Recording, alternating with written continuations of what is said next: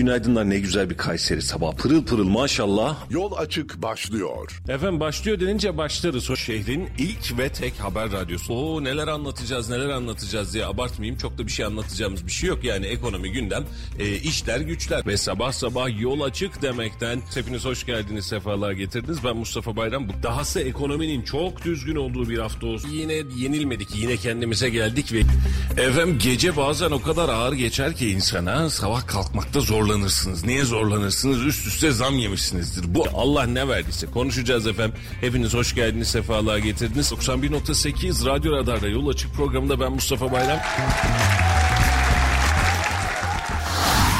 Radyo Radar yol açık başlıyor. Ee, günaydınlar efendim. Yol Açık programı ile karşınızdayız. Ben Dilek Bilgi. Mustafa abicim şu an ayarlarla uğraşıyor. Onu da alacağız birazdan yayına inşallah. Ee, bugün günü gündemi, Türkiye gündemini, Kayseri gündeminde neler yaptık, neler oldu onları konuşacağız. Dün çok kıymetli konuğumuz Yahyalı Belediye Başkanı Esat Öztürk vardı. Programda ağırladık. Radyo Radar'da, Kayseri Radar'da canlı yayın verdik. Onun hakkında da konuşacağız. Efendim gelebildik hakkınızı helal edin ne olursunuz kusurumuza bakmayın. Sabah sabah Dilekçim seni yerine alabilirim. Ee, sabah sabah böyle bir e, dengesiz ses ayarcımız tarafından sesi ayarlanan e, bir ses e, sorunuyla karşı karşıya kaldık ve size sesimizi ulaştırırken, ulaştırmaya çalışırken de zorlandık. Hakkınızı helal edin efendim. Hoş geldiniz, sefalar getirdiniz. Dilekçim senin de bir sesini alayım. Ee, merhabalar. Bak senin sesin mis gibi geliyor. Benim sese gelince böyle bir gelmemezlik istiyor arada ne hikmetse. Ee, böyle hiç e, alışkın olmadığımız işler ama işte dediğimiz gibi bizim bazen teknik arkadaşlarımız da bu hataları yapabiliyor. Bunun için özür diliyoruz efendim. Hoş geldiniz, sefalar getirdiniz. Ee, bu şehrin tek haber radyosunda sizlere ulaşmanın keyfini yine yaşıyoruz. Ha şöyle bir kendime geleyim çok şükür. Allah'ım ya Rabbim ayarımız kaçtı sabah sabah. Vallahi kaç. Oh e, gerçekten böyle e, başlarken stres olduğunuz işler olur ya bizimkisi tam öyle olmuş oldu. Başlarken hiç alakasız bir yerden stres olmuş olduk. E, evet ama sesimizi ulaştırdık. Yani biz hiçbir e, manipülasyona hiçbir sancıya karşı e, yetkisiz kalmıyoruz efendim. Hoş geldiniz sefalar getirdiniz. Memlekette neler oluyor bitiyor. E, Türkiye'de neler var ekonomide hangi gündemler var bunları konuşmak için sizlerle buradayız. E, 91.8 Radyo Radar'da ben Mustafa Bayram. Ben Dilek Bilgi. Bugün de saat 9'a kadar sizlerle birlikte olacağız. Girişimiz birazcık sıkıntılı oldu ama çıkışımız inşallah rahat olur efendim. Ne diyelim İnşallah. yani yapacak bir şey yok bununla alakalı da. E, memlekette dün akşam gelişmeler var ve bu gelişmeler her birimizi teker teker ne oluyoruz acaba dedirtmişti. Bu ne oluyoruz acabaların içerisinden de biz de çıkmaya çalışıyoruz. Cumhurbaşkanı Recep Tayyip Erdoğan CNN Türk ve Kanal D ortak yayınında açıklamalar yaptı. Aslında tonla açıklamalar vardı ama bizim genel itibariyle baktığımız kısım şuydu. E, biz genelde böyle e, ekonomi gündemi ne halde ne alemde e, paramız ne olacak acaba nereye kadar gideceğiz kısmına birazcık daha fazla takılıyoruz. E, Dilekçim dün takip etme şansın oldu mu bilmiyorum ama Tayyip Bey şöyle bir açıklama yaptı. Dedi ki faiz oranı ile alakalı geldiğimiz yer yeterli değil. Yıl sonuna kadar biz arkadaşlarla da görüşeceğiz. Onlar da e, bu kararı alsınlar kıvamına meyanına gelen bir açıklamayla e, tek haneli rakamlara faizde düşmemiz gerek dedi. Vurdu gol oldu. Ne dersin? Ee, evet öyle bir açıklaması vardı. Bunun da doğru olacağını e, zaten iddia ediyor. Başından beri de böyle bir iddiası var. Sayın Cumhurbaşkanımızın. Bunun için uğraşacağız mı? Uğraşacağız. Düşürüyor muyuz faizleri? Yani bizdeki karşılığını ki yakın zamanda 100 bas puanla bir düşüş yaşamıştık. Ee, yapar. Sayın Cumhurbaşkanımız yapar ama bunun enflasyona ve Türkiye Yaparsa piyasasına- Cumhurbaşkanımız yapar diye böyle hani yaparsa AK Parti yapar var ya yaparsa Cumhurbaşkanımız yapar. Cumhurbaşkanımız yapar. Açıklamaya geçmek istiyorum. Faizde bundan sonra yukarı çıkmak yok, daha aşağı inecek demiş. Bu Cumhurbaşkanı Erdoğan faizde bundan sonra yukarı çıkmak yok, daha aşağı inecek. Temennim odur ki bundan sonraki toplantıda Merkez Bankası bunu biraz daha indirmek suretiyle yıl sonuna kadar faizi tek rakamlara, rakama indirmeliyiz diye bir açıklama yapmış. Şimdi bunun anlamı şu efendim. Biz e, 19 civarından başladığımız serüvene en son e, 13,5-14 civarına kadar getirmiştik Evet. ama sonraki rigid atılımlarla beraber yıl sonu hedefinin 12 olduğunu tahmin ederek ve böyle umut ederek e, 12'ye kadar da geçtiğimiz itibariyle faizi düşürmüştük. Şu an itibariyle faizin 12 olduğunu hesap edecek olursak biz her seferinde ne yapıyoruz? 50 bas puan, 100 bas puan civarında indirimler yapıyoruz. E, önümüzde ne kaldı? Ekim, Kasım, Aralık 3 ayımız var. 3 ayın Evet. içerisinde 3 tane para politikaları kurulu toplantısı yapılacak ve bunun içerisinde de 50 puan, 100 puan, 150 puan belki de tek celsede 200 bas puan indirimler yapılarak onun altına indirilecek. Yani hedefimiz 10 değil. Evet. Ondan daha aşağı bir rakamlar. Burada da muhtemelen 9-9,5 seviyesini hesap ediyoruz ya da buraya niyetleniyoruz gibi içimde bir his var. E, bunun anlamı da gerçekten hepimiz için böyle bir e, ben de akşam e, bir hezeyan oluşturdu mu? Evet oluşturdu. Rahatsız da oldum. E, çünkü e, inmeye çalıştığımız her süreçte biz dolar karşısında pozisyon kaybetmeye devam edeceğiz. İşte en son e, Amerikan Fed Bankası e, dolarla alakalı artışı yapınca bir baktık. Aa bak dolar ne kadar yükseliyor dedik. Hatta euro bunun karşısında tutunamadığı için euro bu hamleleri yapıyordu. Bildiğim tek gerçek şu. Enflasyona karşı sonuç mudur? Büyümeye kadar sonuç mudur? Bu e, ilerleyen günlerde bir kez daha belki de üzerinde tartışacağımız konulardan bir tanesi ama paramızın duruşu ve paramızın değer kaybıyla alakalı işi hızlandırıyoruz ve hatta ateşliyoruz. E, muhtemel itibariyle Cumhurbaşkanımızın söylediği kıvamla bakacak olursak evet yıl sonu e, 2023 hedefi olan 2023 ortalaması olan 21,5 civarındaki seviyeyi en azından test etmiş olacağız gibi geliyor dolar pozisyonunda. Bu da beraberinde bizim almış olduğumuz ürünler itibariyle enflasyon demek, almış olduğumuz ürünler itibariyle sıkıntı demek. Bunların her birinde yaşayacağız gibi görünüyor Dilekçim. E, bu gerdi beni. Ee, Sayın Cumhurbaşkanımızın bakış açısı şu. Bir yatırımcı ne arar? Yapacağı yatırımda düşük faiz arar. Düşük faizli yatırımını yap, ülkenin büyümesine katkı sağla. Aslında Sayın Cumhurbaşkanımızın böyle bir e, karar alması ve bu yöndeki çabası ülkeye yatırım yapılması, e, yatırımcının aslında düşük faizli yatırım yapmasına sebep olmak. E, O ülkeye- düşük faizle krediyi bulabilsek ve finansmanı bulabilsek bu dediğin mümkün olacak ama şu an sadece e, scoreboard'da gördüğümüz ama orijinalde görmediğimiz bir faiz oranı var. Yani yarın bir gün bankalar, kamu bankaları, devlet bankaları dahil olmak üzere bu sadece kamu bankasının yapacağı iş değil. Evet. E, bu rakamlarla, bu oranlarla eğer bir faiz da, fa- bu faizlerle sermaye dağıtımı yapacak olurlarsa, para dağıtımı yapacak olurlarsa evet tespit doğru. Şu an hepimizin işine gelir. %12 ne? %1 olsun, %0 olsun. Biz bundan çok da mutlu oluruz. Düşünsene para alıyorsun. 100 bin lira bu sene para alıyorsun. Önümüzdeki sene 101 bin lira ödüyorsun. %1 faizine. yüz- Ya kim %12 istemez faiz, abi? %10 faiz dediğin 100 bin lira ben bugün itibariyle para alacağım. Önümüzdeki seneye kadar bu, bu parayı 110 bin lira olarak ödeyeceğim. Bu müthiş bir şey. Yatırım için benim önümü açar mı? Evet açar. İstihdam için önümü açar mı? Evet açar. Da banka onu açmıyor. Banka bunu açmıyor. Bir bunu kaldıracak piyasamız yok. Şu an aşırı değersiz bir paramız var. Ee, bundan daha değersiz halleri olabilir mi olur ama şu anki durumda e, aşırı değersiz bir para. Yatırımcının da yatırım yapası yok abi her şeyden öte. O Evet. da yok. Yani zaten param yeterince TL'de değersiz. Nereye yapacağım ben bu yatırımı? Aynen öyle. Şu an itibariyle bankalar arası piyasada dolar kuru 18.53, euro kuru ise 18.02 civarından işlem görüyor. Altının ons fiyatı dün ciddi anlamda bayılmıştı ama gün ortasında gün sonuna doğru birazcık kendini toparladı. Şu an itibariyle 1652 dolardan işlem görüyor. Brent petrol, Brent petrol diye gözümüzü diktik. Oldu olacak, oldu olacak az kaldı diyorduk. Brent petrolü 85 dolar, 84 dolar derken dün Brent petrolde gaza bastı. 88 dolar 86 sente yükseldi. 89 dolara yükselmiş oldu. Yeniden 90 dolar bandına doğru bir gelişme var. Ee, bu da birazcık petrol piyasasındaki beklediğimiz indirimlerin gelse bile yarın bir gün yeniden çıkabileceği anlamında bir işaret veriyor. Eğer çıkış devam ederse yok devam etmeyip yeniden bu civarlara inecek olursa indirimi beklemek en doğal hakkımız. Hem de hangi indirimleri bekliyorduk Dilekçim? Görülmemiş indirimleri Görülmemiş. bekliyoruz. Çünkü henüz göremedik. Gördüğümüz zaman daha mutlu olacağız. Serbest piyasada dolar çıldırdı. Kapalı çarşıya giderseniz 18.71'den dolar alıyorsunuz.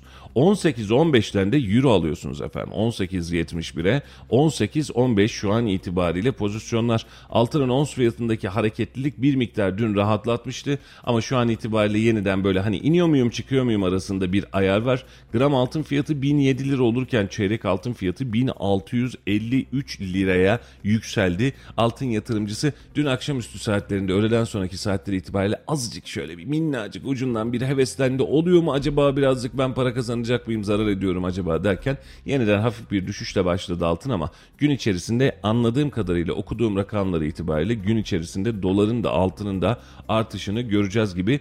Daha işin ilginç tarafı para piyasaları kapalıyken yapılan bir açıklama ve işin açıkçası biz dahil beklemiyorduk. Yani şimdi tek hanelere enflasyonu indirme çabasını ben şahsen beklemiyordum. Şu an itibariyle görünen tablo şunu gösteriyor. Biz enflasyonda tek hanelere düşeceğiz. Yani her ay çok daha sert kararlarla 100 bas puan, 50 bas, bas, bas puan, 200 bas puan belki de düşüşler yaşatacağız ve tek haneye indireceğiz diyoruz. Bu 9-9,5 seviyeleri belki de 8 seviyeleri olmuş olacak.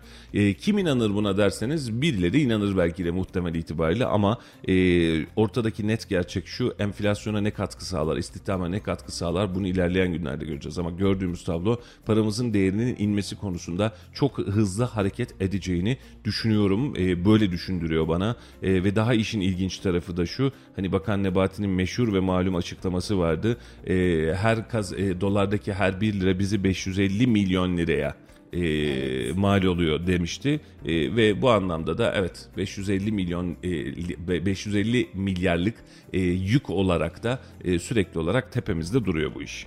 Her defasında parayı, e, paranın değerini kaybetmeye devam ediyoruz. E, Allah sonumuzu hayretsin abi. Tamam düşelim, enflasyonda tek hanelere düşelim, faizde tek hanelere düşelim. Bu ülkenin başka bir beklentisi yok ama kalkıp dolar şu an 18.77 dedin olmuş 19 lira. Hakikaten yıl sonu 19.5 beklentisi var o var ama sen 21 Meşhur şarkıyı sen hatırlayalım mı? 21.5 demiştin. Meşhur şey var diye dolar olmuş 14 lira zam gelecek zam gelecek diyor. dolar olmuş 18 lira. Şimdi Feridun abi bir şey yazdı.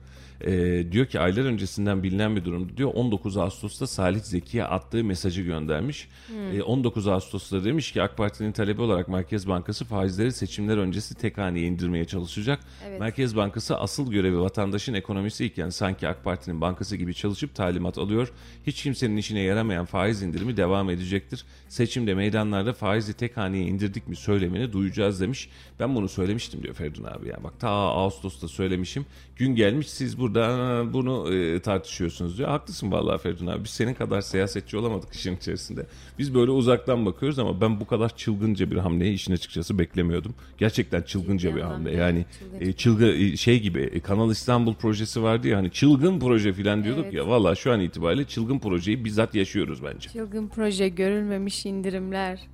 Ee, abi mesela akaryakıt e, fiyatları ile ilgili hashtag açtılar dün denk geldin mi bilmiyorum. O indirim gelecek şeklinde. Evet. Ee, 5 liraya yakın değer kaybetmişti ve bir e, dün konuşmuştuk 5 liraya yakın da bir indirim e, biz vatandaşlar bekliyorduk. Ama doların e, şey Brent petrolün tekrar yükselişiyle birlikte e, ne zaman yansır bilmiyoruz. Ne kadar yansır onu hiç bilmiyoruz. Bir taraftan da zaten. dolar artıyor. Şimdi bir şey düşerken bir şey de artıyor. Altın yatırımcısının haline döndü bizim işimiz. Dolar tam böyle altın e, düşüyor, aa, dolar çıkıyor. Tamam buradan kurtarıyoruz gibi filan gidiyor iş. E, şu an itibariyle de yakıt indirimiyle alakalı muhtemel beklenti. E, bu fiyatları biz baz alırken işte atıyorum doları 17 küsür liradan ya da 18 liradan baz almıştık. E 1 lira buradan fark etti zaten. E, oradan da birazcık indi. Tamam indirim yapalım ama öyle 5 lira 5 lira şu an itibariyle şu kur ve şu Brent petrolle birazcık hayal gibi görünüyor. Valla açıkçası. o indirim gelecek mi o da tartışılır yani. O indirim gelene kadar bizde tekrar çıkar. Orası e, şey diye düşünüyorum yani. Su götürmez bir gerçek diye düşünüyorum. Valla böyle şey o kedi buraya gelecek gibi o indirim buraya gelecek diye biz de bekliyoruz ama e, kafamız bence buna müsait değil. E, şimdi abi ekonomiden giderken bir e, duyuru yapayım. 1 Ekim'de başlıyor efendim. ÇKS başvuruları artık KS ne? e, açacağım. Artık E-Devlet üzerinden yapılıyormuş. ÇKS çiftçi kayıt belgesiymiş efendim. E-Devlet üzerinden artık yapılabiliyormuş yeni sistemle hem çiftçilerin hem de kurum çalışanlarının zaman kaybının önüne geçilmesi hedefleniyor demiş. Çünkü normalde 1-2 gün gibi, e, gibi yani aslında gün alıyormuş. Şimdi dakikalık bir işlem olarak da hizmete sunulmuş. Çiftçi kayıt belgeleri için kurumlara gitmenize gerek yok efendim artık. E-Devlet üzerinden başvuru yapabiliyorsunuz.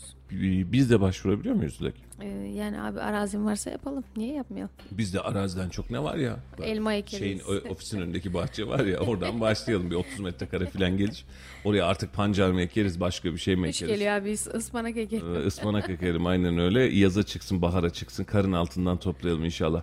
Efendim gündem karışık, gündem kalabalık, gündem sıkıntılı ama en önemli noktada tabii ki e, ekonomik olarak beklentilerimiz ama dediğimiz gibi yani yıl sonuna kadar faizi tek haneli rakamlara indirmeye çalışan bir e, Cumhurbaşkanlığı açıklaması vardı E, ve bu açıklamada bence geceye e, gündemini vurdu. E, Açıklamaların diğer başlıklarına istersen geçelim. Geçelim abi. Amerika'nın Güney Kıbrıs'a yönelik silah ambargosunu kaldırmasının da e, ne içerik bakımından ne de zamanlama bakımından izahı yoktur demiş Sayın Tayyip Erdoğan. Rum-Yunan ikilisinin Doğu Akdeniz'de barış ve istikrarı tehdit eden adımları e, görmezden gelen hatta iyi, e, teşvik eden Amerika bu adımla e, bu adımıyla adada da bir silahlanma yarışına yol açacaktır. Biz duracak mıyız? Duramayız. E, bu son adımın da cevapsız kalmayacağını Kıbrıs Türk halkının güvenliği için her türlü tedbirin alınacağını herkesin bilmesi gerekir demiş. E, adaların silahtan arındırılması şart demiş özellikle Ege Adaları ile alakalı. Birleşmiş Milletler'e son mektubumuzu da 17 Eylül'de gönderdik. E, burada bir şey önemli. Buralar hukuki ifadesiyle gayri askeri adalar. Biz burada uluslararası yargı yolunu bunların tıkadıklarını görüyoruz demiş. E, uluslararası hukuktan yanayım diyorsan neden görüşmeden mahkemeden kaçıyorsun demiş. Faiz e, başlığını vermiş. Enflasyonla mücadeleden bahsetmiş Sayın Tayyip Bey. E, bu kısım birazcık artık bize alışkanlık haline geldi. Ocaktan itibari bu itibariyle bunun emarelerini çok rahat göreceğiz. Bir defa enflasyondan önce şu anda faize bakıyorum. Şu an itibariyle faiz e, bir faiz oranını %12'ye indirdik. E, buradan tüm yatırımcılara çağrımı yine yapıyorum. Diyorum ki eğer yatırımcıysan bak kamu bankaları başta olmak üzere şu anda faiz %12'ye indi. Bundan sonra yukarı çıkma yok daha aşağı inecek. Daha aşağı inmek suretiyle de bu enflasyonda ne yapacak onu da baskılayacak aşağı indirecek demiş. Ee, bir yatırımcı neyi arar? Yapacağı yatırımda düşük faiz arar. Şimdi bizim e, beşli başlığımız var. Ee, evet bizim beşli başlığımız var. Yatırım, istihdam, üretim, cari harcama noktasında özellikle oradaki büyümeyi arzu ettiğimiz istikamete getirmek. Şimdi bu beş başlıkta bir defa gel yatırımını yap, düşük faizle krediyi birinci derecede kamu bankalarından al, adımını at. Hem istihdam sağla hem üretimi hem ihracatta sen de yerini al. Bir de ülkenin büyümesine katkı sağla. İnşallah bu yıl içerisinde beklemeden hemen yılbaşından itibaren neticelerini almaya başlayacağız demiş. Ben hala aynı yerde böyle bir e, sancılanıyorum Dilek ya. Yani gerçekten e, şu an e, bahsetmiş olduğumuz rakamı hesap ediyorum. %12 ile faiz alsak mı? Vallahi alsak. Yani verseler. Kime hayır der ya? Hemen alsak ya. Hemen bugün, yar ne kadar diyorsanız %12'den faiz almaktan bahsediyoruz ve %12 faiz oranını şu an yatırımcı bulamıyor. Halk e, devlet bankalarından bunu bulunabiliyorsak, gerçekten bulunabiliyorsa hadi hiç durmayalım hep beraber yatırım yapalım. Yani bu şu an Türkiye standartları için çok cazip rakamlar. E, Tayyip Bey'in e, açmış olduğu perspektif, açmış olduğu yön, yönteme evet görüyorum, kabul de ediyorum. Yani evet bu yöntemle gidersek mesela hani gerçekten de piyasadaki faiz oranı bu hale gelmiş olacak olursa bu anlamda nefes Evet. aldırır bize. Yani yatırım yaparsın, iş dönersin, iş açarsın, yeniden bir ürün alırsın. Ürün almaya başladığında e, piyasadaki enflasyon kısmi olarak artar ama arz talep dengesi zaman içerisinde oturur ve piyasada canlılık oluşur. Bunların her birine Evet. kabul. E, ama şu dakika itibariyle ben piyasada ne bu parayı görebiliyorum ne bu parayı veren bankayı görebiliyorum. Ee, ne de bunu karşılayacak bir piyasa var. Aynen öyle. Öyle piyasa yok yani şu an. Yani bu e, iki arada bir deredeki durduğumuz yer beni çok rahatsız ediyor. E, Sonucu nasıl çıkar bilmiyorum ama ben e, şu dakika itibariyle e, bu açıklamaların gerçek olmasını, bu açıklamaların gerçek olabilmesini hayal ediyorum. Mümkünse. Yani inşallah abi ama şimdi normal zamanda düşündüğümüzde devlet bankaları e, e, aslında bu kadar enflasyon, bu kadar bir sıkıntı yokken bile 40 dereden su getiriyordu kredi verirken. Yani devlet bankaları hadiye hiçbir zaman kredi vermedi. Özel bankalardan alınıyordu çoğu krediler, kredilerin büyük çoğunlukları. E şimdi e, özel bankalar dahi vermiyor. Devlet bankası nereden verecek? Vermiyor da %12 faizle hangi banka verir abi? Bir de biliyorsun e, sıkılaştırma politikası neticesinde bankaların kredi vermesini zorlaştıracak. Bunları zorlamaya çalışan ve azaltmaya çalışan hani krediye vermeyi azaltsın Evet. diye biz yaklaşık son iki aydır operasyon yapıyoruz. Şu anda da diyoruz ki gelin başta kamu bankaları olmak üzere gelin bak krediyi görün ben size nasıl kredi vereyim diyoruz ama şu an bunun yapılabilmesi için eldeki tüm imkanları neredeyse azalttık. Yani ve bankalar Evet. bu anlamda Daha zorluklar içerisinde zaten devam ediyor. Yani versek mi vermesek mi zorunlu karşıtlıklar değişti. Krediyi veriyorsak böyle vermemiz lazım. Şu kritere dikkat etmemiz lazım gibi. Keşke sabah sabah bir bankacıyı bağlasak da derdimizi e, karnımızın ağrısını o gidermiş olsa. E, ama şu dakika itibariyle benim bildiğim yani son 15 günde bir değişiklik olmadıysa bankalar kredi vermemek için ellerinden gelen her şeyi yaptılar ve yapmaya devam ettiler. Ve şu an itibariyle diyoruz ki bankalar kredi verecek siz de yatırım yapacaksınız diyoruz. Temennimiz odur inşallah. Bankalar bu oranlarda kredi verir. Devlet bankaları, kamu bankaları başta olmak üzere tüm bankalar bu oranda kredi verir ve vatandaş da ve daha doğrusu sanayicide, esnafta, tüccarda bu anlamda o ben de yatırımı yaptım der. Herkes de mutlu, mesut olur, rahat eder. Ama indireceğimiz faizin reel karşılığını biliyoruz. Türk lirasının dolar karşısında, euro karşısında değer kaybettirici neredeyse bir aşikar. Çünkü yaptığımız her hamleden sonra bugüne kadar bunu gördük. Sadece biz değil. Avrupa Birliği de gördü bunu. Örnek veriyorum. Hani faiz arttırmayı, faiz indirmeyi boş ver. Faiz arttırmakta geciktiği için dahi mesela Euro'da ciddi sancılanmalar oldu. Dolar Euro'yu geçti, solladı gidiyor, aradaki farkı açtı. Bu kararlılık ve zamanında davranma bile aradaki marjları değiştiriyor. Şimdi biz bunların içerisinde onlar faiz yükselterek paralarının piyasasını korumaya çalışırken biz faiz düşürerek paramızı korumasak da olur ama biz içeride bu canlılığı oluşturmaya çalışacağız e, hedefine doğru gidiyoruz. Eğer evet bu bir tercihse bunun anlamı dolarda da bizim yüksek kurlu bir tercihe sahip olacağımız anlamına geliyor. Yani biz e, Türk lirasının değer kazanması için uğraşmayacağız gibi duruyor.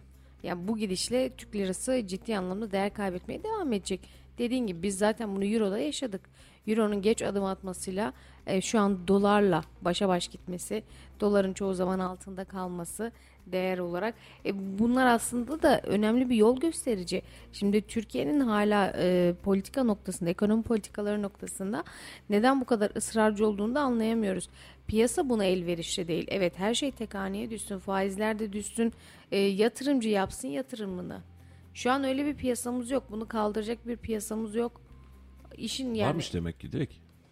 Abi bilmiyorum şeyde galiba yani yukarı kesimde yani benim bulunduğum sınıfta Yukarı artık- kesim oluyor orası. ben, benim bulunduğum sınıf sanırım artık orta orta sınıf bile değil yani ben de e, Yerle yeksan olduk efendim. yerle yeksan oldum. Asgari ücretle alakalı Tayyip Bey demiş ki Aralık'ta tekrar değerlendirmeleri yapıp yeni bir adımı Evet. da inşallah yıl sonu itibariyle atacağız ve bu konuda 2023'e girerken çok daha farklı bir şekilde çok daha güçlü bir şekilde gireceğiz demiş. Şimdi zaten e, tutarsız ve sıkıntılı noktalarda buradan başlıyor. Bu kısmı özellikle belirtmek isterim. E, şimdi diyoruz ki asgari ücretle alakalı Aralık'ta değerlendirme yapacağız. Ocak'ta yıl sonu itibariyle yeni asgari ücreti açıklayacağız. Hiç kimseyi bu enflasyon karşısında ezdirmeyeceğiz ve çalışanımızı mutlu edeceğiz ki bizim de en büyük temennimiz bu. Bunun yapılması zaten şart ve elzem. Ve bunu da yaptı aslında hükümet yani şimdi yapmadı diyemeyiz. TÜİ'nin açıklamış olduğu enflasyon rakamlarına bağlı olarak zamlar gerçekleştirdi. Hatta bir tık da bir kademede üzerinde gerçekleştirdi. E, 2825 lira olan asgari ücreti yıl sonunda 4250 liraya çıkarttık. Bu çok ciddi bir zamdı. Yetmedi bu aradaki fark e, yıl içerisindeki enflasyon çok fazla zıpladı diye 4250'yi 5500 yaptık. Yaklaşık orada e, 750 500 1250 liralık daha üzerine bir katma daha bir katkı daha koymuş olduk. E, yetmedi. Şimdi yıl sonu geliyor. Bu maaş da yetmiyor ve biz de diyoruz ki tamam bununla alakalı da biz bu zammı yapacağız. Ama bir taraftan da diyoruz ki Ocak ayı itibariyle enflasyondaki durumu fark edeceğiz ve kontrol altına alacağız diyoruz.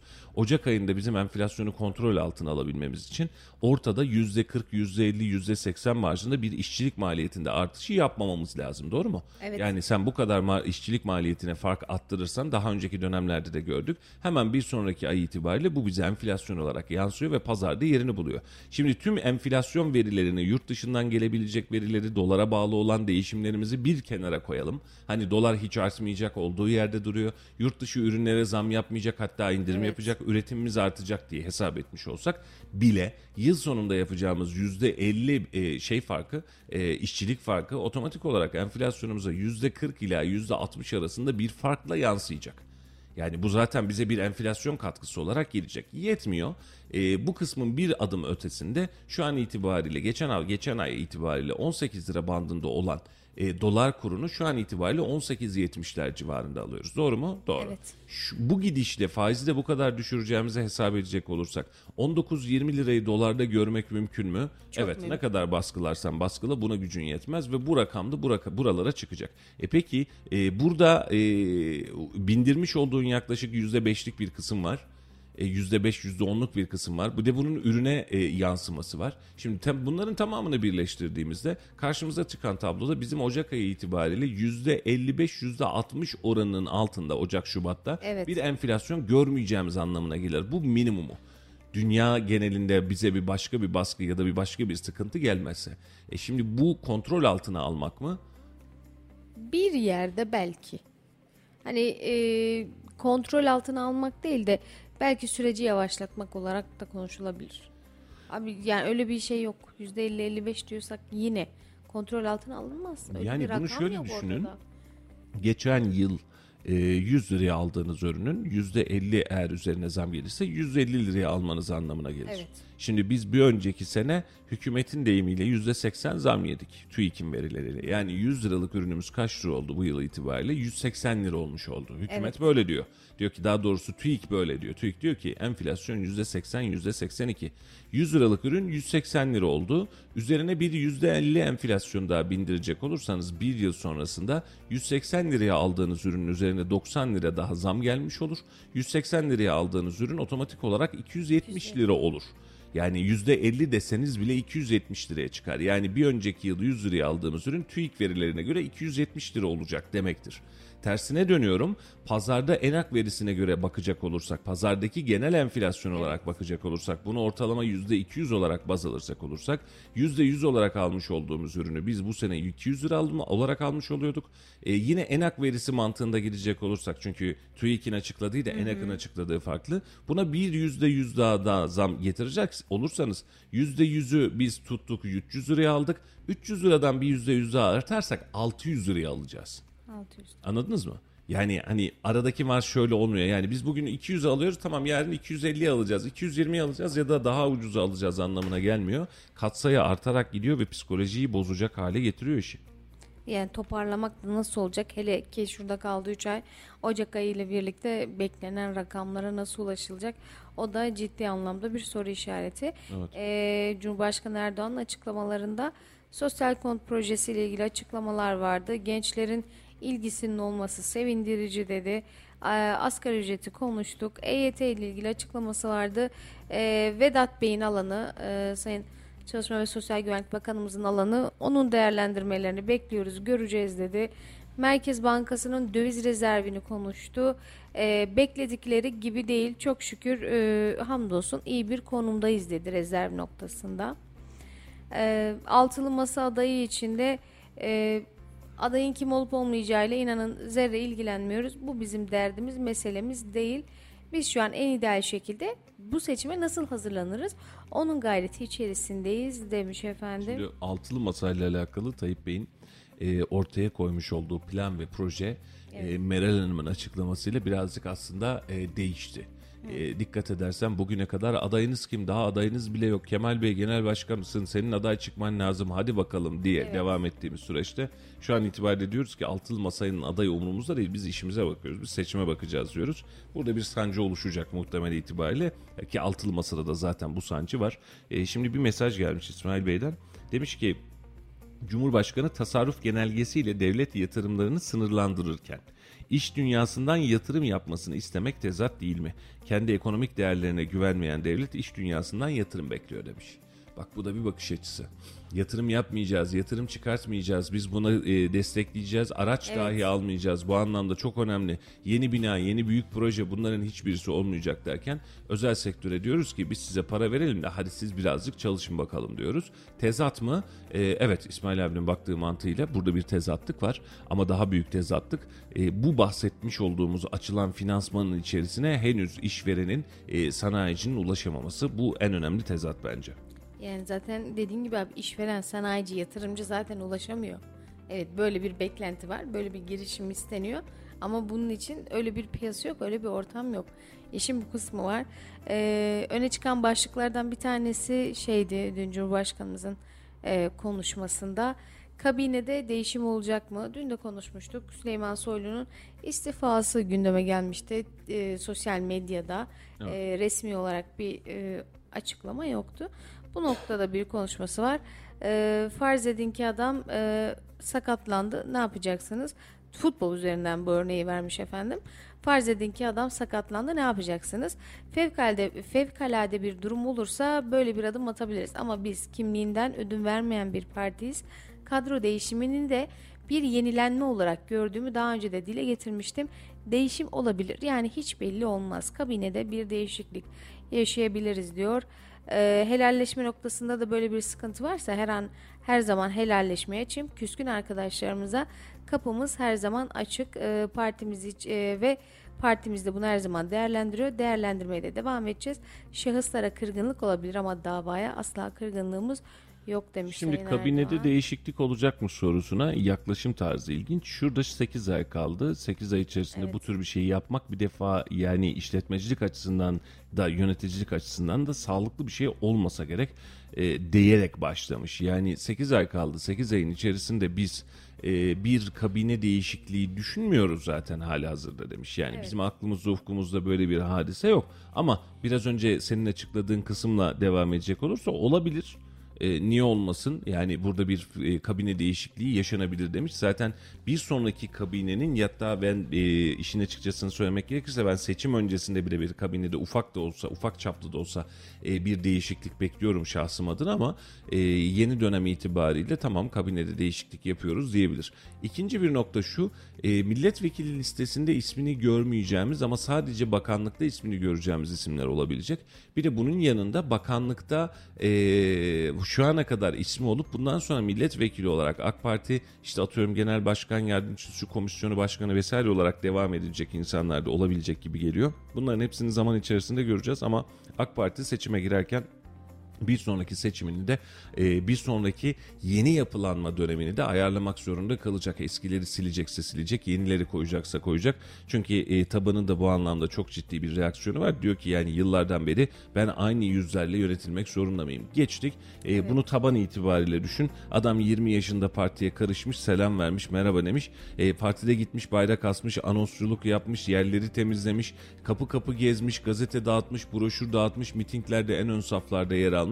E bunun karşında diyor ki ya bana ne zaman gelecek sıra diyor. Yaşım oldu 40-50 diyor. Yani bana ne zaman gelecek? Hani ben bu dönemi de atlattığın zaman benim jenerasyonu komple silmiş olacaksın diyor. E, geçtiğimiz günlerde de Sayın Mustafa Elitaş'ın bu anlamda bir açıklaması vardı. Tabii ki yerimizi yenilerine bırakacağız filan dedi ve üzerine de şunu ekledi. Hani derlerse ki Mustafa Elitaş bize abil olarak lazım burada bulunsun derlerse biz yine göreve hazırız ama e, tabii ki yerimizi bırakacağız kıvamında meyanda bir açıklama yaptı. Halbuki bundan bir, bir buçuk sene, bir sene öncesinde e, Anadolu Holding'deydi hatta yaptığı açıklamada e, rahmetli Veli abi hayattaydı jübilemi yapacağım diye bir açıklama yapmıştı Sayın Elitaş. E, ama e, zannedersem şöyle gerçekleşiyor iş dilekçim. E, koltuk sıcak e, memleket de güzel. E, biz varsa görev e, biz devam ederiz. Vekillik kötü bir iş değil ama yani yoksa da istenmiyorsak da artık anlarız hani kaç dönemdir kaç yıldır vekillik yapıyoruz zaten yetmez mi kardeşim diyor kendi içinden ama bir taraftan da istemem yan cebime koy diyor. Şimdi AK Parti bunun için yeni gideceğiz seçimde birçok ismi değiştirmek, birçok ismi elemek, birçok isimle de yollarını ayırmak zorunda. Artık emekli olun demek zorunda kalacak. Yani adamın yaşı 65, 70, 75, 80'e gelmiş. Hala ben vekillik koltuğunda oturayım istiyor. E, Valla nasıl bir koltuksa bir oturan bir daha kalkası tutmuyor. Yani bir daha bir oradan çıkası gelmiyor. E, şu an Kayseri listeleri özelinde de bunu söylemek mümkün. Evet. Türkiye'de de bunu söylemek mümkün. AK Parti bunun için bundan sonraki seçime kendisini genç ve dinamik bir kadroyla yeni isimler ama içerideki isimlerle yeniden sil baştan hazırlamak zorunda kalacak.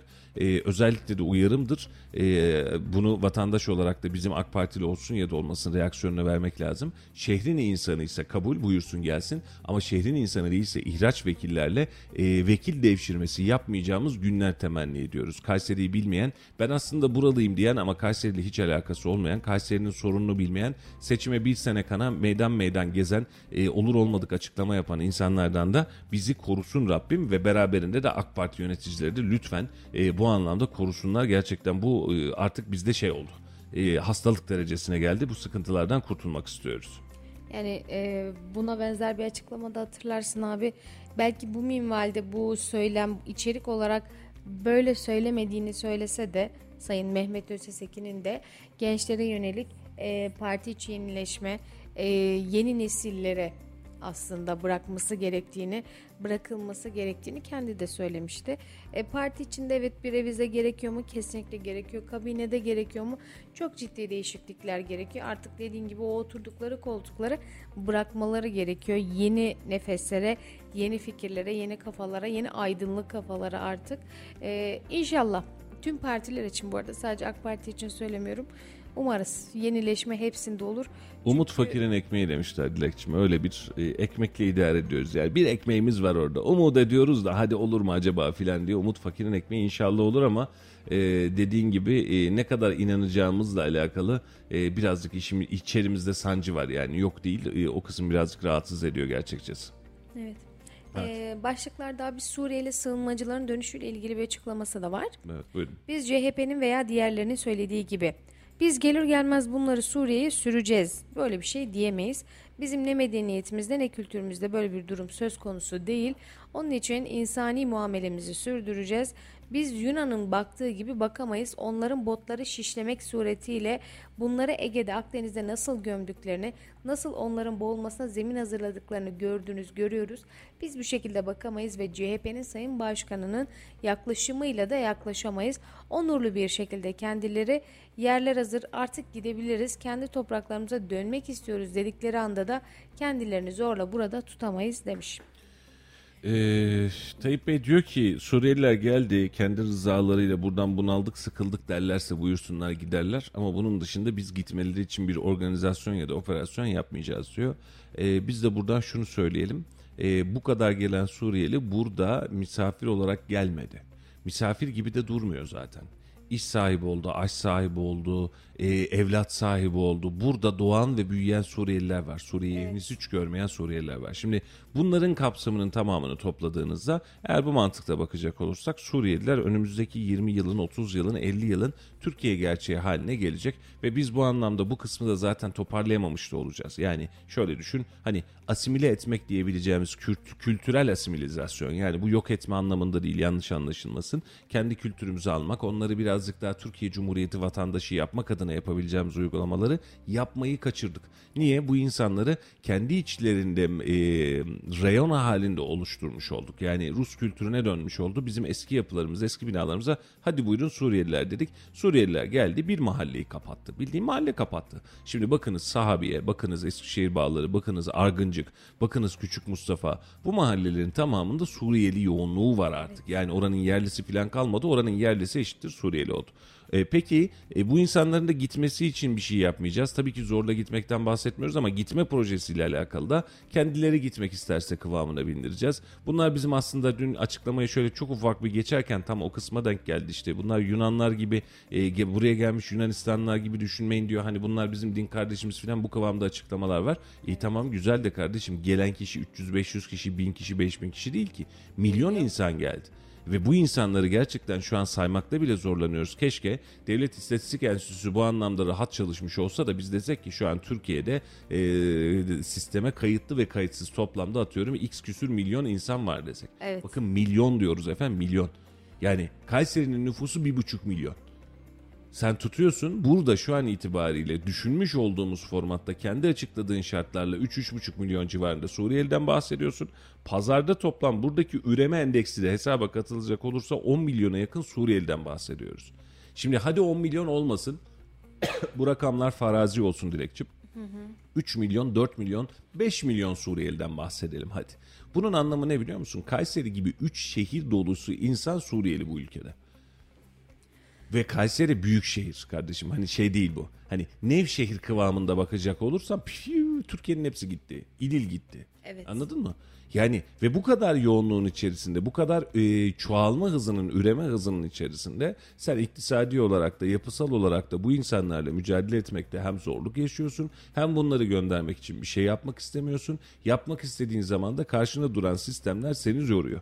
Ve şu dakika itibariyle e, bu sıkıntıların beraberinde bize getirebileceği demografik yapı değişimi yansımalarını gerçekten söylüyorum. Bana bugün e, tarihe not düşmek adına da söylemiyorum. Bunu her zaman konuştuğumuz hadise. Bundan 10 yıl sonra 15 15 yıl sonra biz Hatay'ı konuşurken örnek veriyorum biz Kilis'i konuşurken biz Kayseri'yi konuşurken biz, biz İstanbul'da ticareti konuşurken bunların nasıl olacağıyla alakalı sıkıntılar yaşayacağız. Ve bu çünkü bu gruplaşma ve bu kültürel yapı, bu demografik yapı hepimizi ciddi ciddi rahatsız edecek. Ve gerçekten e, şunu şaka değil gerçek göreceğiz. Türk vatandaşlığıyla doğan çocukları da hesabıyla katacak olursak yaklaşık 10-15 yıl içerisinde e, mecliste Suriyeli milletvekiller göreceğiz. Biz kendi vatandaşlarımızın hakkını savunuyoruz diyen vekiller göreceğiz. Ne yapacağız peki? Allah'ım koruyor. Mehmet kardeşim yazmış ben memnunum Mustafa abi demiş. Mehmet kardeşim na- niye memnun olduğunu söyle de biz de anlayalım en azından nasıl memnun olduğunu. Biz hangi pencereden Şimdi bakıyoruz geçtiğimiz günlerde Hülya Nergis Atçı diyor ki sanayicinin bizden talebi var diyor. İzinler konusunda rahat etsinler diyor. Peki e, daha fazla Suriyeli çalıştırmak istiyor diyor. Yine Hülya Nergis Atçı Kent Türk'te e, şey yapıyor. İlter e, Sağırsoy'a yapıyor bu açıklamayı. Yahu kardeşim bizim kendi içerimizdeki vatandaşı istihdam etmek varken biz halen niye Suriyeli istihdam etmeye çalışırız? Cevap. Cevap çok basit sanayici tarafındaki cevap. Efendim diyor Türkler çalışmıyor bunlar çalışıyor. Ya bunu kendi kültürümüze, kendi ırkımıza, kendi milliyetimize yapmayalım. Türkler çalışmıyor ne deme- ne demek? 100 yıllık cumhuriyetin içerisinde Araplar mı çalıştı da bu hale geldik? Suriyeliler mi çalıştı da bu hale geldik? Bulgarlar mı çalıştı da bu hale geldik? Türkler çalışmıyor ne demek? Ha sen Türklere istediğin parayı vermiyorsun. e, Suriyeli ucuza geliyor dersen senle hem fikrim evet. Yani Türkiye gittiğinde ben e, mesela asgari ücret geçen gün iş mahkemesinin şeyi var e, öyle bir muhabbeti var. Diyor ki vasıflı işçiye diyor asgari ücret verilmez diyor. Mesela vasıflıysa asgari ücret veremezsin. Ne vereceksin? Fazlasını vermen lazım. Peki veriyor musun? Sen işveren olarak veriyor musun? Yok kardeşim işte bana en güzel işçiliği yapsın ama e, şey yapsın. E, Ucuz çalışsın. Aynen ucuz çalışsın. Şimdi Mehmet yazmış sütü çok alıyorlar abi demiş. O kadar çocuk olunca kardeşim yapacak bir şey yok.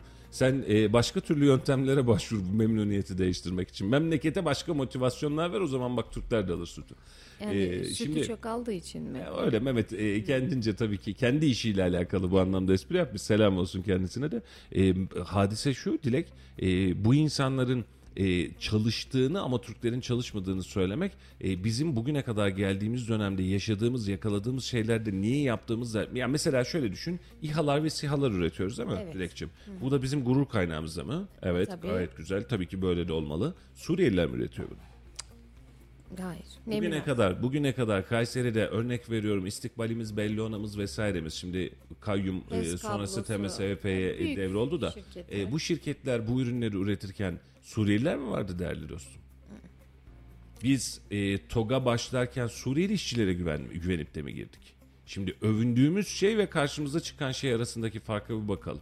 Suriyeliler olmazsa olmaz. Onlar daha çok çalışıyor. Türkler çalışmıyor. Bu insanın kendi milletine, kendi vatanına yaptığı ihanettir. Ve açık açık söylüyorum sizin çalışmıyor dediğiniz Türkler bugüne kadar gelmenize sebeptir.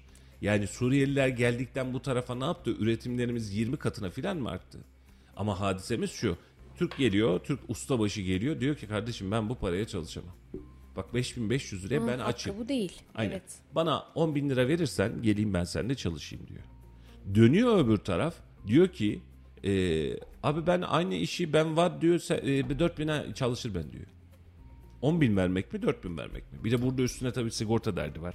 Özlük derdi var. O adamın hiçbir derdi yok. Vuruyorsun kafasına çalıştırıyorsun. Sen ucuz işçi çalıştıracaksın diye ben vatanımı satamam canım kardeşim.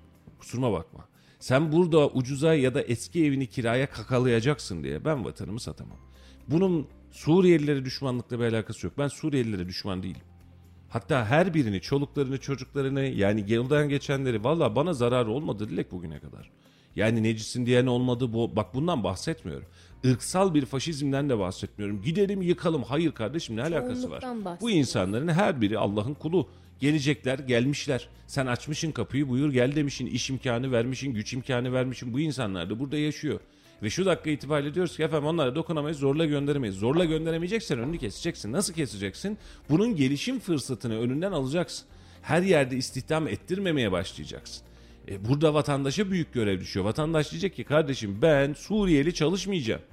Çalıştırmayacağım. Valla abi çalıştırsınlar, çalıştırmasınlar. Alacakları kıstas şu olmalı.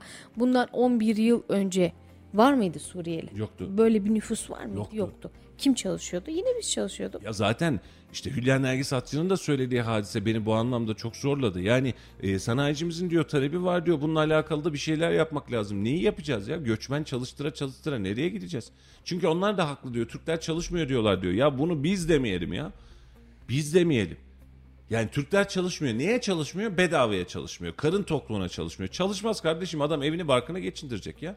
Ben Suriyeli kadar rahat değilim ki. Ben de haricen devlet- devletten sosyal yardım almıyorum. Evet. Yani iki tane çocuğuyla, üç tane çocuğuyla bir evin içerisinde yaşam mücadelesi veren babalardan bahsediyorsun. Yemin ediyorum çileden çıkmamak mümkün değil abi. Şimdi işin sigorta kısmı var, ilaç kısmı var, muayene kısmı var. Biz Türkiye Cumhuriyeti vatandaşı olarak bunların her birinde vergilerimizi, paralarımızı ödüyoruz. Geçtik göçmenler noktasında bunların böyle bir şeyi yok. Onlar zaten öncelikli. Bak Dilekçim şu an e, Para ortalama 5500 lira alan yani ortalama derken asgari ücret alan bir işçinin sadece sigorta primi için işvereni tarafından aslında işveren veriyor da işçi adına veriyor bunu. Yani sadece Evet. işveren vergisi değil. 2000 liraya yakın hatta 2000 lirayı birazcık daha geçkin sen bir sigorta prim veriyorsun. Bak 5500 artı 2000. Yani sen 5500 liraya çalışırken devletine SGK'sına daha doğrusu muayene olabilmen için emeklilik fonu için de 2000 Evet. lira para yatırmış oluyorsun. Yani sen aslında 5500 artı 2000 dediğinde ne yapıyor? 7500 liralık çalışıyorsun. Normalde Evet. senin ederin bu. Şimdi o adama diyoruz ki Suriyeli çalıştırırsa 5000'e 4000'e çalışıyor kabul. Devlete katkısı ne oldu? Biz devletten parayı çalmadık mı burada? SGK'dan parayı çalmadık mı? Peki bu adam SGK'ya üye değil, dahil değil ama hastanede senden benden de iyi hizmet alıyor. Ve öncelikli.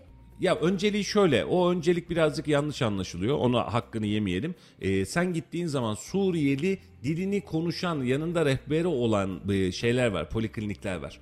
Orada sıraları var onların anladın mı? Yani mesela kadın doğuma geliyor Evet. kadın doğum yapacak vesaire. Seninle beraber aynı polikliniğe girdiği zaman orada da dil bilmiyorsa anlatamıyor. Anlatamadığı zaman da sıkıntı çıkıyor. Bunun için şöyle bir uygulama yaptılar. Şu polikliniklerde rehber var dediler. Sen rehberin olduğu poliklinikte o an onun önceliği. Yoksa senden daha öncelikli değil onu bil. Evet, Yani tamam. iyi de öldürelim hakkını yemeyelim. Ama şu an itibariyle SGK'ya herhangi bir bedel ödemeden bu adamlar bu hizmeti alıyorlar mı? Alıyorlar. Alıyorlar. Sen şu an itibariyle SGK'n yok. Ee, neydi? Ne bir şey sigortamız vardı ya. e, işsiz kaldığımız zaman geçerli olan. GSS Genel Ha, Sağlık. e, Genel sağlık sigortan yok. E, sigortan yok. E gidiyorsun. O kaldın ortada. Bunun için bedel ödüyorsun ama Suriyeli bu anlamda rahat. Ve bu insana bu kadar hadisenin karşısında diyoruz ki efendim Türkler çalışmıyor da Suriyeliler çalışıyormuş. Valla bunu söylemek değerli dostlar, sanayicilerimizden de var dinleyenler. Kusuruma bakmayın. Bizim Suriyelilerle alakalı önümüzdeki 15-20 yılda başımıza bela olmaması için, ülkenin sistemini bozmaması için bizim Suriyelileri işsel güçsel anlamda en azından kasmamız gerekiyor. Yani e, işten çıkartalım mı diye soracak olursanız ben evet derim. Bence de. Ben evet derim. Yani ben buna 4 bin lira veriyorum, 5 bin lira veriyorum. Öbürü gelince 10 bin lira vereceğim. Ver 10 bin lirayı abi. Bak ver 10 bin lirayı. Ver bakalım bir. Ver bir. Çünkü o 10 bin lirayı alan vatandaş sana dönecek. Senin bakkalından alışveriş yapacak. Senin manavından alışveriş yapacak. Kendi çocuğunu bu memleket için okutacak. Bu memleket için bu çocuğu okutacak. Ve yarın bir gün senin fabrikanda ikinci kez, üçüncü kez, üçüncü kuşak, dördüncü kuşak belki de bu adamın çocukları çalışacak. Ya da bu memlekette işçilik yapacak, öğretmenlik yapacak, askerlik yapacak, memurluk yapacak, bir şey yapacak. Hiçbir şey olmadı. Senin o maaşını verdiğin adam var ya o çocuğunu askere gönderecek, senin vatanını korutacak. Sen gidiyorsun veriyorsun Suriyeli. Efendim ucuz çalışıyorlar, efendim iyi çalışıyorlar. Veriyorsun. E çocuğunu askere götürecek misin? Hayır. Bu çocuk yarın bir gün okudu memlekete faydası olacak mı? Bilmiyoruz. Yarın bir gün kalktı gitti gö- göç eyledi e, kendi Evet. memleketine diyarına. Aa geçmiş olsun o kadar emeğimiz boşa gitti. Niye yapıyoruz abi? Ya insanların hesaba katmadığı şu var abi. Ee, basit mantıkla düşünürsek ee, şimdi evli değilim. Çocuğum oldu, evlendim, çocuğum oldu. Bundan bir 15 sene sonra benim ee, çocuğumun, yeni nesillerimizin büyüyeceği ortam e, demografik yapısı bozulmuş bir Türkiye. Ve bunların içerisinde biz kendi kültürümüzü de unuturuz.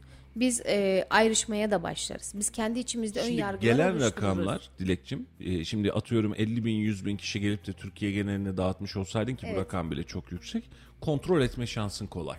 Kültürünü verebilirsin. Bunun için vaktin olabilir. Bak geç, geçtiğimiz günlerde Dursun Ataş'ın basın açıklaması var. Kayseri İyi Parti milletvekili. Evet. Diyor ki yahu diyor bak madem Suriyelileri getirdiniz biz bu çocukları tekli eğitim sistemine döndürecektik. Yani çocuk sabah okula gidecekti Dilekçim. Evet. Akşam çıkacaktı ve daha geniş bir zamanda daha yayıla yayıla öğretmenin performansı daha iyiyken yani milli eğitimin de bu Evet. genel aslında isteği. Buna geçecekti ama yaklaşık 30 bin 35 bin çocuk bu memlekette eğitim gördüğü için biz tekli eğitime giremedik ve bu arada okulları bitirmediğiniz için geçemedik. Madem getirdiniz bunları okulları bitirin de diyor tekliğe geçelim diyor. Bak aslında çok hani bunları okutmayın filan demiyor. Madem bunlar burada bu eser burada tekliğe geçelim. Şu an çocuğumuzun eğitim hakkından çalıyoruz ya. Evet.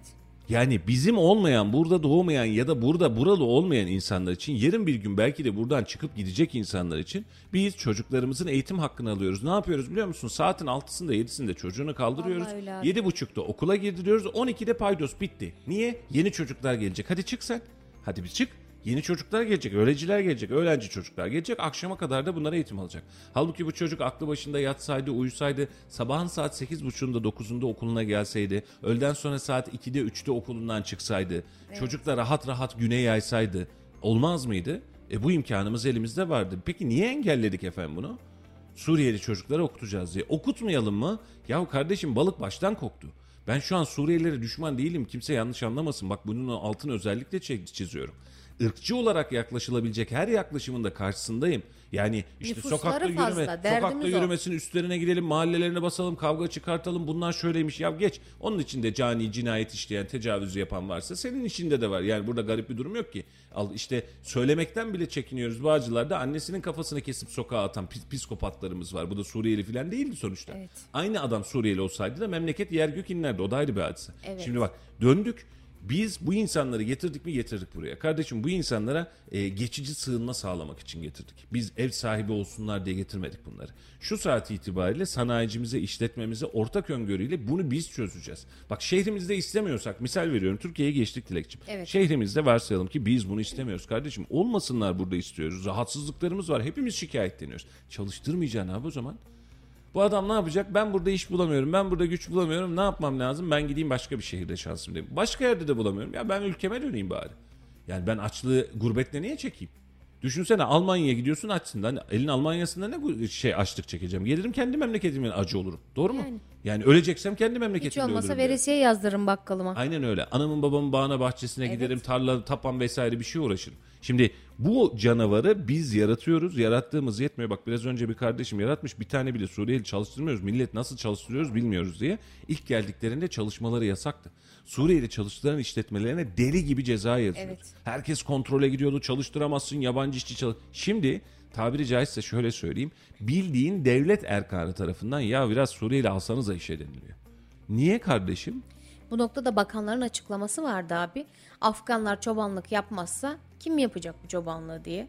Sayın Soylu'nun açıklaması. Valla e, köydeki yaşamı yeniden canlandırırsak, kırsala dönüştürürsek, kırsaldaki Desteğini insanlar yap. ya Bak ben niye nasıl- gideyim kardeşim diyecek o zaman. Basit bir şey söyleyeceğim. Burada X AVM'sinin güvenlik görevlisi olacağım. 5500 lira para alacağım demek yerine köyümde, bahçem önümde, tarlam önümde 10 bin lira, 15 bin lira para kazanıyorum derse niye gelsin? O zaman da söyledim. ÖSS ki biz bunlar gönderirsek bunun bize bir maliyeti olur. Antep'te, Kayseri'de Suriyeliler çalışıyor diye bir açıklamış olmuştu. Ben de bununla alakalı bir köşe yazmıştım. ÖSS ki haklı. Çünkü evet bunlar giderse bunun bize bir karşılığı olur. Ama e, bunun başka karşılıkları da var. Yani bunu zamanında düşünmeliydiniz diye bu meyanda bir açıklama yaptım. Hatta başlıktan dolayı bir sürü adam ne demek haklı kardeşim filan diye bana yürümüştü. Yazıyı okumadan başlıktan gidenler. Şu an itibariyle aynısını söylüyorum. Bu adamlar gitti, gider. Fiyatlarımız artar Dilekçim. Artar. Sanayide gidip kaborta yaptırıyorsun ya 1000 liraya yaptırıyorsun ya kapının boyasını mesela o 1500 lira olur. E, olsun. E zaten oluyor. Biz bir faiz sebep enflasyon sonuç dediğimizde zaten yaşadık biz bunu bir senede. E Yaşıyoruz. bırak %20 %30 da ben bunlar için yaşayayım ülkemin geleceği için. Ve bak bunu çok ciddi söylüyorum sana. Bu ülke için çok önemli bir problem. Gözümüzü kapattırsalar da görmemeye çalışsak da bu ülke için çok ciddi bir problem bu. Bu işin üstesinden gelmezsek yarın bir gün Suriyeliler konusunda kilitlenip kalacağız.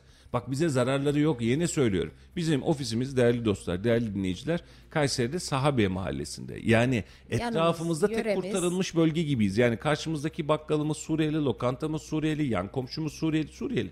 Bak bir yıl oldu. Bir yıldır burada herhangi birisinin kış dediğini, necisin dediğini görmedik. Bize bir zararları da yok. Yok. Bak net söylüyorum zararları da yok. Hani sokaktan gezerken biz kalabalık belki biz 20'nin üzerinde insanla çalışıyoruz. Yani sokaktan giderken bir personelimiz rahatsız mı oldu, birine laf mı? Bak bunların hiçbirisi yok kardeşim. Bak böyle bir zararları yok. Ama ben sana başka bir zarardan bahsediyorum. Gelecekle alakalı zararımız var.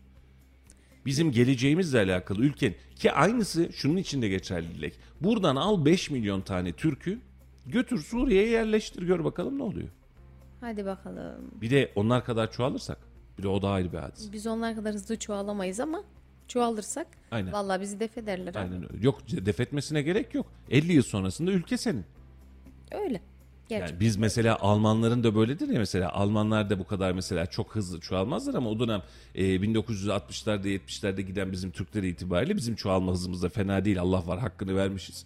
e, o dönem itibariyle yani Almanlar bir miktar Türk aldık derken şu an Almanya'nın ekonomisinde Türkler önemli bir değer haline geldi. Şu an Almanya'ya alakalı Türkler bir araya gelse höt kardeşim ne yapıyorsun dese Alman ekonomisini tehdit edebilecek kadar büyük bir güç. Ama gel gör ki abi Türkler e, yani Almanya'daki Türkler için söyleyeyim e, Suriyelilerin burada olduğu kadar rahat değiller. Evet. Değiller. Yani onlar ne olursa olsun bir göçmen, bir iş sonucu gelmiş insanlar ve bu ayrımı hala iliklerine kadar hissediyorlar. Yani üçüncü jenerasyon oldu orada yaşayan.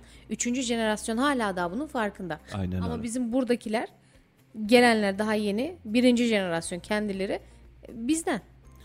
Valla değerli dostlar bu dışişleri- anlamda e, hepimize ortak bir iş düşüyor ve yapacağımız ortak hadise e, bu insanların gitmesi için Evet. lütfen üstümüze düşeni yapalım.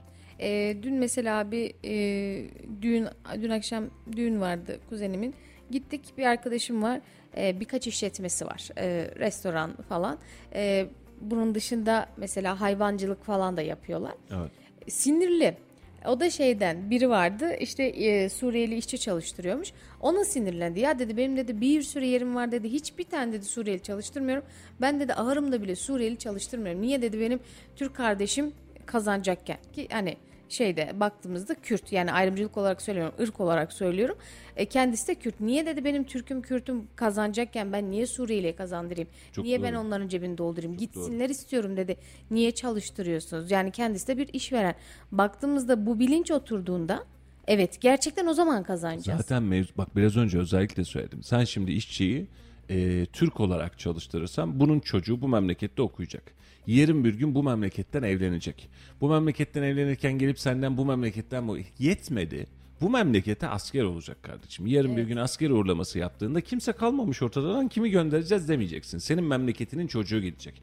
Senin onda katkın olmuş olacak. Yani onun gelişiminde e, yani babası çalışacak, babası annesi çalışacak, parayı o kazanacak ama sen de buna vesile olmuş olacaksın. O askerliğe giden, o seni koruyan askerin, polisin e, katkısında büyümesinde senin bir katkın olmuş olacak. Yani bu çok önemli ya. Yani bu çocuk yarın bir gün sen bu parayı verdiğinde bu bu çocuk yarın bir gün e, aklı başında bir iş yapmaya başladığında, yarın bir gün Türk Hava Kaşısı'nı bulduğunda misal olarak veriyorum. Evet. Yarın bir gün TOG'u bulduğunda, yarın bir gün İHA'ları SİHA'ları ürettiğinde, yarın bir gün gidip de senin için vatan e, satında şehit olduğunda ya da çatıştığında sen diyeceksin ki benim bu memlekette dikili bir taşım var. Benim bu memlekete faydam olmuş diyeceksin. Öyle. Ama şu an itibariyle veriyorsun ucuz çalışsın, veriyorsun ucuz çalışsın. Sana faydası yok. Memleketine faydası yok. Bugün itibariyle para kazanıyorsun. Dilek kabul. Bak bugün itibariyle para kazanıyorsun ama bunun yarını yok. Yarınlarda vermiş olduğun paralar, kazanmış olduğun paralar sana dönmeyecek. Dinliyorsa ona da selam olsun. Sanayide bir arkadaşım dedi ki abi dedi Suriyeliler filan çalıştırıyoruz mecbur çok iyi iş yapıyor kardeşim bak dedim etme. Yani tamam iyi iş yapıyor diyorsun ama bak memlekete bunun faydası. Abi çok güzel çalışıyorlar dedi. Aradan 3-5 ay geçti. Dedi ki abi bu Suriyelilere dikkat etmek lazım kardeş. Niye öyle söylüyorsun dedim. Dinliyorsa kusuruma bakmasın. Yüzüne söylediğimi yüzüne söylüyorum bir kez daha. Evet. Ee, dedi ki abi bunlar dedi çıktı dedi. Şimdi organize oldular dedi. Gittiler dükkan açtılar dedi sanayide. E, yetmiyor dedi bizim esnaf da salak gibi dedi gitti dedi. E, işte el ona yapıyorsa bunlar 8'e yapıyor gidip gidip buna yaptırıyorlar. Aynı milliyetçilik. Sen çalıştırırken de aynıydı, dışarıdan iş verirken de aynı. Niye iş o adam zaten sana alternatif bir gerilla pozisyonu. Ne için gerilla pozisyonu? Elin ona yaptığını 9'a yaparım, 8'e yaparım, 7'ye yaparım. El 5.5'a çalışıyor, 3.5'a çalışırım. El 10'a çalışıyor, 5'e çalışırım. Doğru mu? Evet. Adam ekonomik olarak geriye çekerek senin pazarında tutunuyor. Ve bak dikkat edersen adam büyüyor. Çünkü adamın geçimle alakalı senle benle aynı sıkıntısı yok. Sen mesela okula gönderirken çocuğu özel okula mı göndersem diyorsun. O diyorsun ki gitsin bir yere gitmese de olur diyor. Sen ya çocuğuma ben ayıp olur kardeşim mont ay- ayakkabımı isteyeceğim ben çalışırım kazanırım diyorsun. O diyor ki devlet versin diyor ya da hayırsever versin şuradan diyor. E Sen e- çocuğunu evlendireceksin ya bu çocuğun çeyizi var altını var ne yapacağız biz diyor. O diyor ki çeyiz yardım veriyorlar ya bize diyor. Şimdi şartlarımız eşit değil. Adam bunun için daha ucuz. Ve ucuz olduğu için sen çalıştırıyorsun ve yarın bir gün sana rakip oluyor, senin karşısında duruyor, sana karşı hetüt diyor. Yetmiyor bu memleketin geleceğini bamba, bomboş bir dolguyla dolduruyoruz. Ve net söylüyorum yarın bir gün Allah hayırlı uzun ömürler versin her birine askerimize polisime ama e, işte Mersin'de Tece'de şehit olan polisimiz gibi bu polislerin bu polislerin çocuklarının e, yetişmesinde bir katkın olmayacak. Sen Suriye'ye çalıştırdığın sürece e, işte atıyorum oradan DH'lı mı çıkacak öbür taraflı mı çıkacak Suriye'ye mi gidecek diye düşünemediğin insanları bu alanda yetiştireceksin. Bu alanda onların alanını genişlettikçe de onlar sana mim çakmaya, çivi çakmaya memleketine devam edecek. Ev sahibi olacak, iş yeri sahibi olacak, araba sahibi olacak. MA plakalar bitmiş, MB'ler. MB'ler bitecek oldu, MC'lere geçecek. Anladın mı? Arabalara bakalım abi Sabiye'deyiz. Altlarındaki arabalara bak. Rence Allah binen aşkına. var ya Vallahi. işin içerisinde. Yani şimdi bu kadar mı verdik kardeşim memleketi? Ha devlet bir şey yapamıyormuş. Tamam yapamıyor. Hadi varsa ki yapamıyor. O zaman biz bir şey yapacağız. Ve yapacağımız tek bir şey var bak. Şiddet, bağırma, çağırma vesaire değil. Alanını daraltacaksın. Niçin daraltacaksın? Ben yabancı çalıştırmıyorum diyeceksin. Bak yine sahabiyedeyiz örnekleriyle. Bu bizzat yaşanmış. Ben buraya geldiğimiz ilk dönemde anlattı bana. Evet. Ee, hatta çalıştığımız, sevdiğimiz bir arkadaşımızın motokuryeleri eleman ilanı, eleman arıyorlar diyor. Geliyor. Suriyeli bir lokanta var şurada. Hı hı, evet. Geliyor diyor ki abi diyor biz motokurye arıyormuşsunuz geldik biz diyor. Ne diyor biliyor musun Suriyeli? Kardeş yabancı çalıştırmıyoruz diyor. Şaka değil bu. Şaka. Şaka değil. Şaka. Ben bizzat hani bu olayı yaşayan arkadaşlarım. Kardeş yabancı çalıştırmıyoruz. Motokuryesin memleketindesin kendi. Ya Suriyelinin lokantası varmış lan. İşi adam arıyor gideyim orada çalışayım diyorsun. Yabancı çalıştırmıyoruz diyor. Anladın mı şimdi ne olduğunu hadisenin? Vay anasını. Ha adamın tepkisi de gayet normal. Ben seninle anlaşamam, dilini bilmem, dilini bilmem. Ya ben seninle çalışmak istemiyorum diyebilir, problem yok. Ama sana diyor ki ben yabancı çalıştırmıyorum diyor. Burada bir tane e, Yabancı lokanta. varsa o da lokanta yani. Aman. Yarın bir gün bu adam sen bu adama fabrika gidin mobilyacılar sitesine Kumsmon'un yan tarafındaki mobilyacılar sitesinde var ya şu an herhalde yanlış bilmiyorsam bir onun üzerinde fabrikası var. Bizzat Suriyelilerin. Sen zannediyor musun yanında Türk çalıştırıyor? Ya nereye abi Allah aşkına. Suriye Dışişleri Bakanı Faysal Miktat da açıklama yaptı. Türkiye'deki Suriyelilere ülkenize geri dönün dedi. Diyor. Ülkede yani onlar çağırıyor. Ya adamlara dönecek ülke bırakmıyorsunuz. Ülke geçenlerde telefona istemiyoruz onlar vatan haini dediniz. Telefon açtınız diyorum. Açıklama yaptınız istemiyoruz diyorsunuz. Ha şimdi biz e, şeye dönmeye başladık ya Dilek tek umudum o. E, Esed'den yeniden Esad'a dönmeye başladık ya. Evet. Görüşmelerimiz başladı ya. Belki bu arada bir e, formülizasyon yapıp hadi bir genel af geldi bunlara da arsa verin toprak verin de bunlar gelsin ülkesine filan diye e, yaparsa Esad yapacak bizimkinden bir şey yok. Esad da hadi buyurun gelin derse göndereceğiz yani. O da derse yani burası. Zaten hep orada kalıyoruz. Adam çağırırsa gidecekler ki ona da çok gidecek gibi değiller abi. Adamlar burada düzen kurdu. Yani sen kalkıp e, herhangi bir ülkeye gidip bu kadar rahat e, refahın içerisinde altına arabanı çekmişsin, iş yerini kurmuşsun gider misin? Gitmezsin. Ben gitmem. Niye gideyim? Benim düzenim var.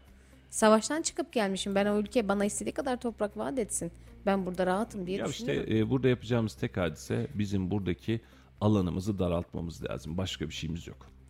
Efendim yerel gündeme doğru dönelim. Geç başladık teknik problemlerden dolayı birazcık vakitte hızlı geçti. Böyle damarıma basınca da hızlı gidiyor. E, dün akşam bir son dakika gelişmesi vardı.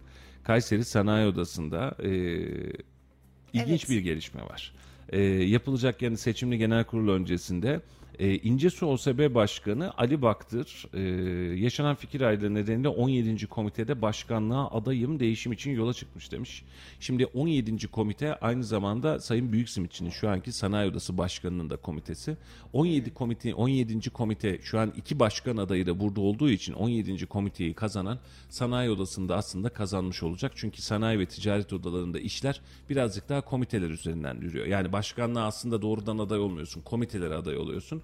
Bunun için de e, Ali Baktır e, adaylığını açıkladı. Akşam da telefonla görüştüm. E, Ali abi hayırlı olsun nedir durum dedim. E, Ali abi de dedi ki e, Mustafa'cığım dedi pazartesi itibariyle dedi şu anki yönetimde fikir ayrılıkları yaşadık. Arkadaşlar da olmamızı istedi. Bir değişiklik ve yenilik şart dediler dedi. Yola çıktık dedi. Çalışıyoruz dedi. E, ve yani zaten seçime bir şey kalmamış oldu. Hafta sonunda yapılacak seçim. Ee, ve bununla alakalı 17. Meslek Komitesi'nden adayız dedi. Komite aynı zamanda Mehmet Büyüksimitçi'nin de olduğu komite olduğu için komiteyi kazanan dedi. Aslında hani biz kazanırsak o olmamış olacak. O kazanırsa biz olmamış olacağız dedi. Ee, hani yine abiyiz, kardeşiz, arkadaşız ama dedi hani olursa böyle olacak. Olmazsa E, o kazanacak, o devam edecek dedi. E, Ali Baktır da Hacılar kısmında da Kayseri Sanayisi kısmında da sevilen bir isim.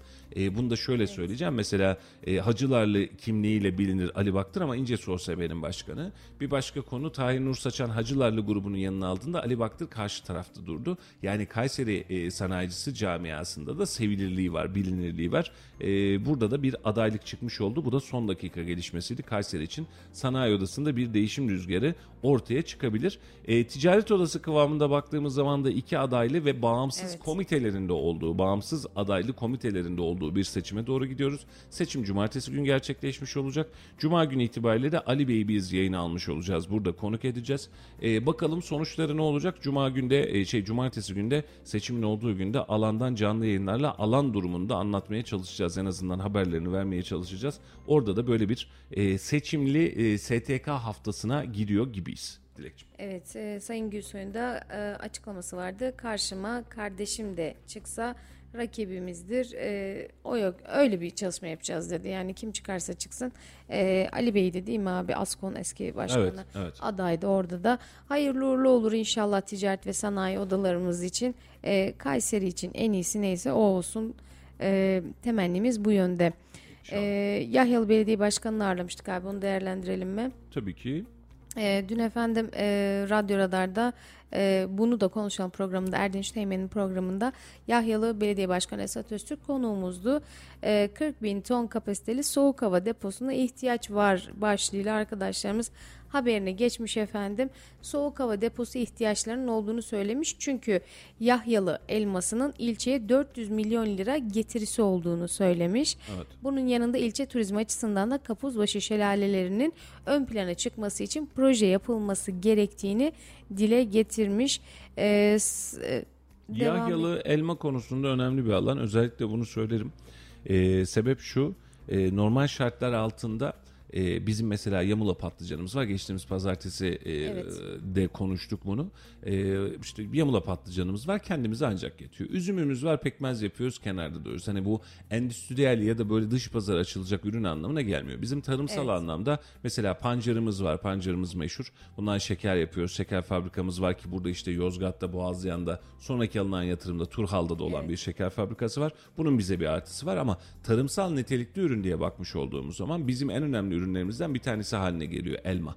E, çünkü çok büyük arazilerde çok büyük elma bahçeleri var. Şu an Esat Bey'in de aslında üzerine durmaya çalıştığı o soğuk hava depoları, zincirler vesaire bu rakamı ve bu marjı çok ciddiye arttırma şansımız var. Yahyalı'da, Yeşilhisar'da e, çiftçinin yüzü bu anlamda çok fazla asık olmaz. Hep gülerler. Başka bir yerden bir şey yapmaya, başka bir uğraşla uğraşmaya gerekleri kalmaz, ihtiyaçları kalmaz. Çünkü mahsulleri hem bu anlamda bereketlidir Evet. hem de para eder. E, dün de Başkan Bey gelirken de sağ olsun o her zaman biz gittiğimizde de bizi boş göndermez. Geldiğinde de o güzel e, meşhur Yahyalı elmalarını getirmiş. Daha önce oradaki soğuk hava depolarında da biz çekim yapmıştık. Yani Hindistan'a, Afganistan'a, Avrupa'ya, Batı'ya birçok yere giden elmamız var. Bu bizim için gurur kaynağı. Başkanı bu anlamda destekliyoruz. E, elmanın öz niteliğinde birazcık daha belki de e, önemli hale getirip coğrafi işareti olan e, ve adıyla yani katma değeriyle Yahyalı elması diye anılan bir elmayı oluşturduk.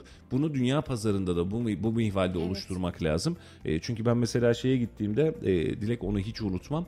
E, Uluborlu diye bir yer var. Böyle Konya Akşehir'in üzerinden gittik. Hatta böyle e, müthiş bir manzaraydı. Yani o çi- kirazlar çiçek açmış filan kiraz festivali yapıyorlar. Allah Allah Uluborlu kirazı hiç duymadım ben dedim. Yani hani biliriz iyi kötü mahsulü ama Türkiye pazarına sıfır ürün veriyorlar.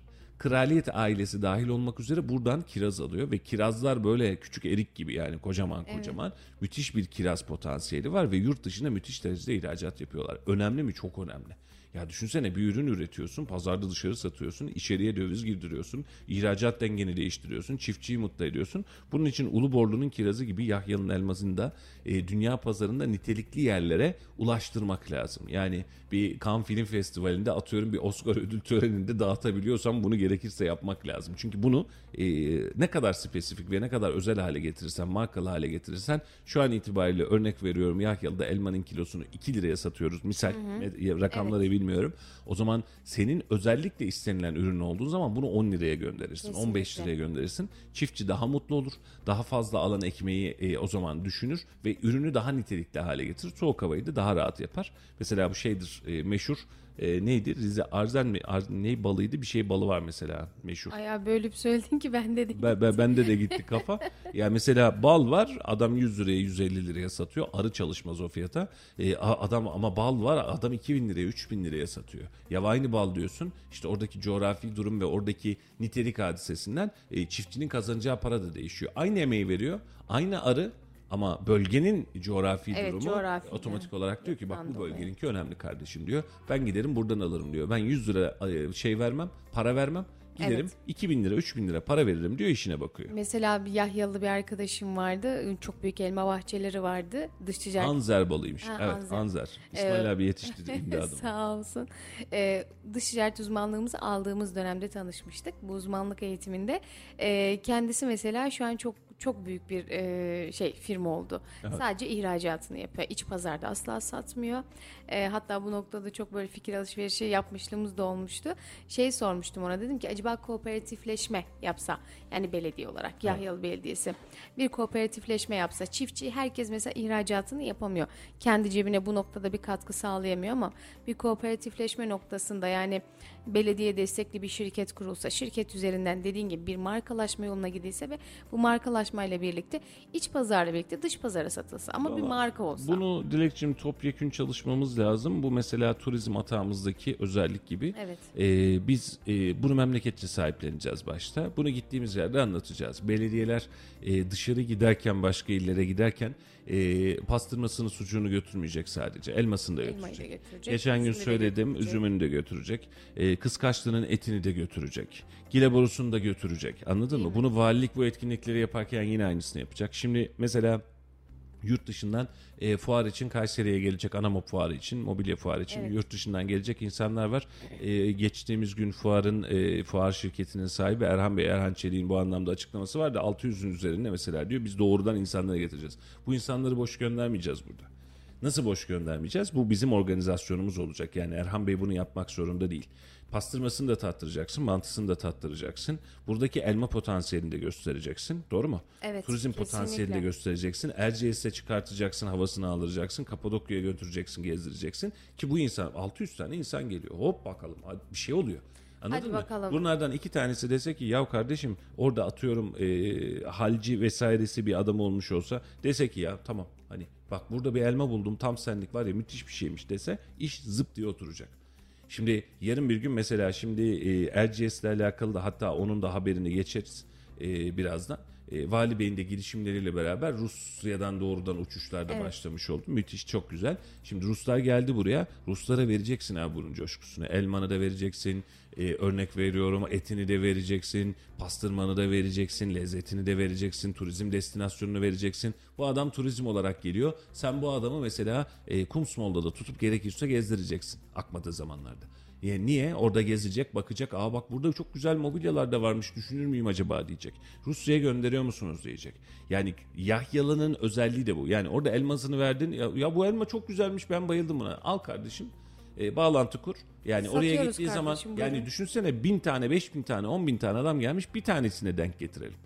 Ya kardeşim sizin burada böyle bir elmanız varmış desin. iki yıl sonra da bizden ürün istesin. Ya zaten- Bunlar e, kümülatif olarak hep beraber toplu halde yapmamız gereken uygulamalar ve bunun içinde buna hepimizin hassasiyet göstermesi ve topyekun bir seferberlik ilan etmemiz lazım. Ee, şu dedin ya abi Anamop fuarında ee, mesela bu fuar artık e, sponsor mu olurlar? Belediyelerimiz bu noktada mı sponsor olur? Firmalar mı? Dediğin gibi tüm değerlerimiz pastırması, sucuğu, elması, üzümü artık neyse bir şekilde bunun tanıtımında yer almak gerekiyor. Bir yerden başlamak gerekiyor. Ee, Rusya dedin abi o haberi de geçmiş olayım. Uzun süredir yapılmayan Rusya'dan Kayseri'ye direkt uçuşlar yeniden başladı efendim. Kayseri Valisi Gökmen Çiçek'in Ulaştırma Bakanlığı ile yaptığı görüşmeler olumlu sonuçlandı ve Moskova, Kayseri, Kazan, Kayseri ve St. Petersburg seferlerinin yeniden başladığı duyurulmuş. Hayırlı uğurlu olsun. Amin inşallah cümlemize e, ve memleketimize hayırlı uğurlu olsun diyelim. Efendim Türk İş dün açlık sınırını açıkladı. Dedi ki açlık sınırı 7245 lira hemşerim dedi. Nasıl yani dedik? Vallahi dedi 7245 lira işine geliyorsa dedi. Ve şu an itibariyle e, asgari ücretli tüm çalışanların e, durumunu izah etti aslında. Açsınız dedi bize Türk İş. E, ve bu açlık sınırı biliyorsunuz daha önceki dönemde de gündem olmuştu. Açlık sınırının hemen üzerine çekmeye çalışmıştık asgari ücreti. Şu an itibariyle çektiğimiz ücretinde bir fonksiyonu kalmamış. 7245 lira olmuş açlık sınırı. Laf Sokak'ta ekibi de bunu piyasaya sormuş. Sokağa sormuş. Açlık sınırı bu oldu ne diyorsunuz bu işe demiş. Az sonra isterseniz e, bunu da Ona geçerek geçelim. programımızı e, kapatmış olalım. Biz de yavaştan veda etmiş olalım. E, efendim akşam önemli bir yayınımız var. E, Hasan Çınar ve Melih Eymen'i alacağız yayına. E, aslında bir anlamda da bir yardım kampanyasına dönecek iş. Paraları hazırlayın. Hesaplarınızda bir miktar para da bırakın. E, akşam bu çocuklarımızın geleceği için, bu çocuklarımızın kurtuluşu için e, bir şeyler yapmaya çalışacağız. Biz kendi içimizde de e, sizlerden de, bu anlamda destek isteyeceğiz. Bunun için akşam 17 19'da mıydı Dilekçim yayınımız? Herhalde 19'da değil mi Evet. yanlış bilmiyorsam? Ee, evet, 19'da. evet, 19 teyit edeyim yine de ben. 19'da bir ortak canlı yayına geçeceğiz. Desteklerinizi bekliyoruz. Gerek Melih Heymen için, gerek Hasan Çınar için. Ee, sağ olsun gazeteci kardeşim Kürşat e, bu anlamda bir farkındalık başlatmaya, basını bu anlamda iştigal ettirmeye çalışıyor. Daha önce bir kez katılmıştık ama bir kez daha yapacağız. Gerekirse bir kez daha yapacağız. E, ama e, en uzun süreli kampanyaları gerçekleşen bu kardeşlerimize artık e, bu işin içerisinden çıkartmak adına üzerimize düşen bir şey varsa yapmaya çalışacağız. Sizleri de bu yayınımıza bekliyoruz. Bunun dışında yarın yeniden aynı saatlerde burada olacağız Allah'tan bu mani gelmezse. Şimdilik sizden müsaade istiyoruz efendim. Bu arada da sizi Laf Sokak'ta ile baş başa bırakıyoruz. E, Türk İş'in açıkladığı açlık sınırını sokağa sorduk. Bakalım sokak ne demiş? Sizi Laf Sokak'ta ile baş başa bırakıyoruz. Biz de müsaade istiyoruz. Görüşmek üzere. Hoşçakalın efendim. Hoşçakalın.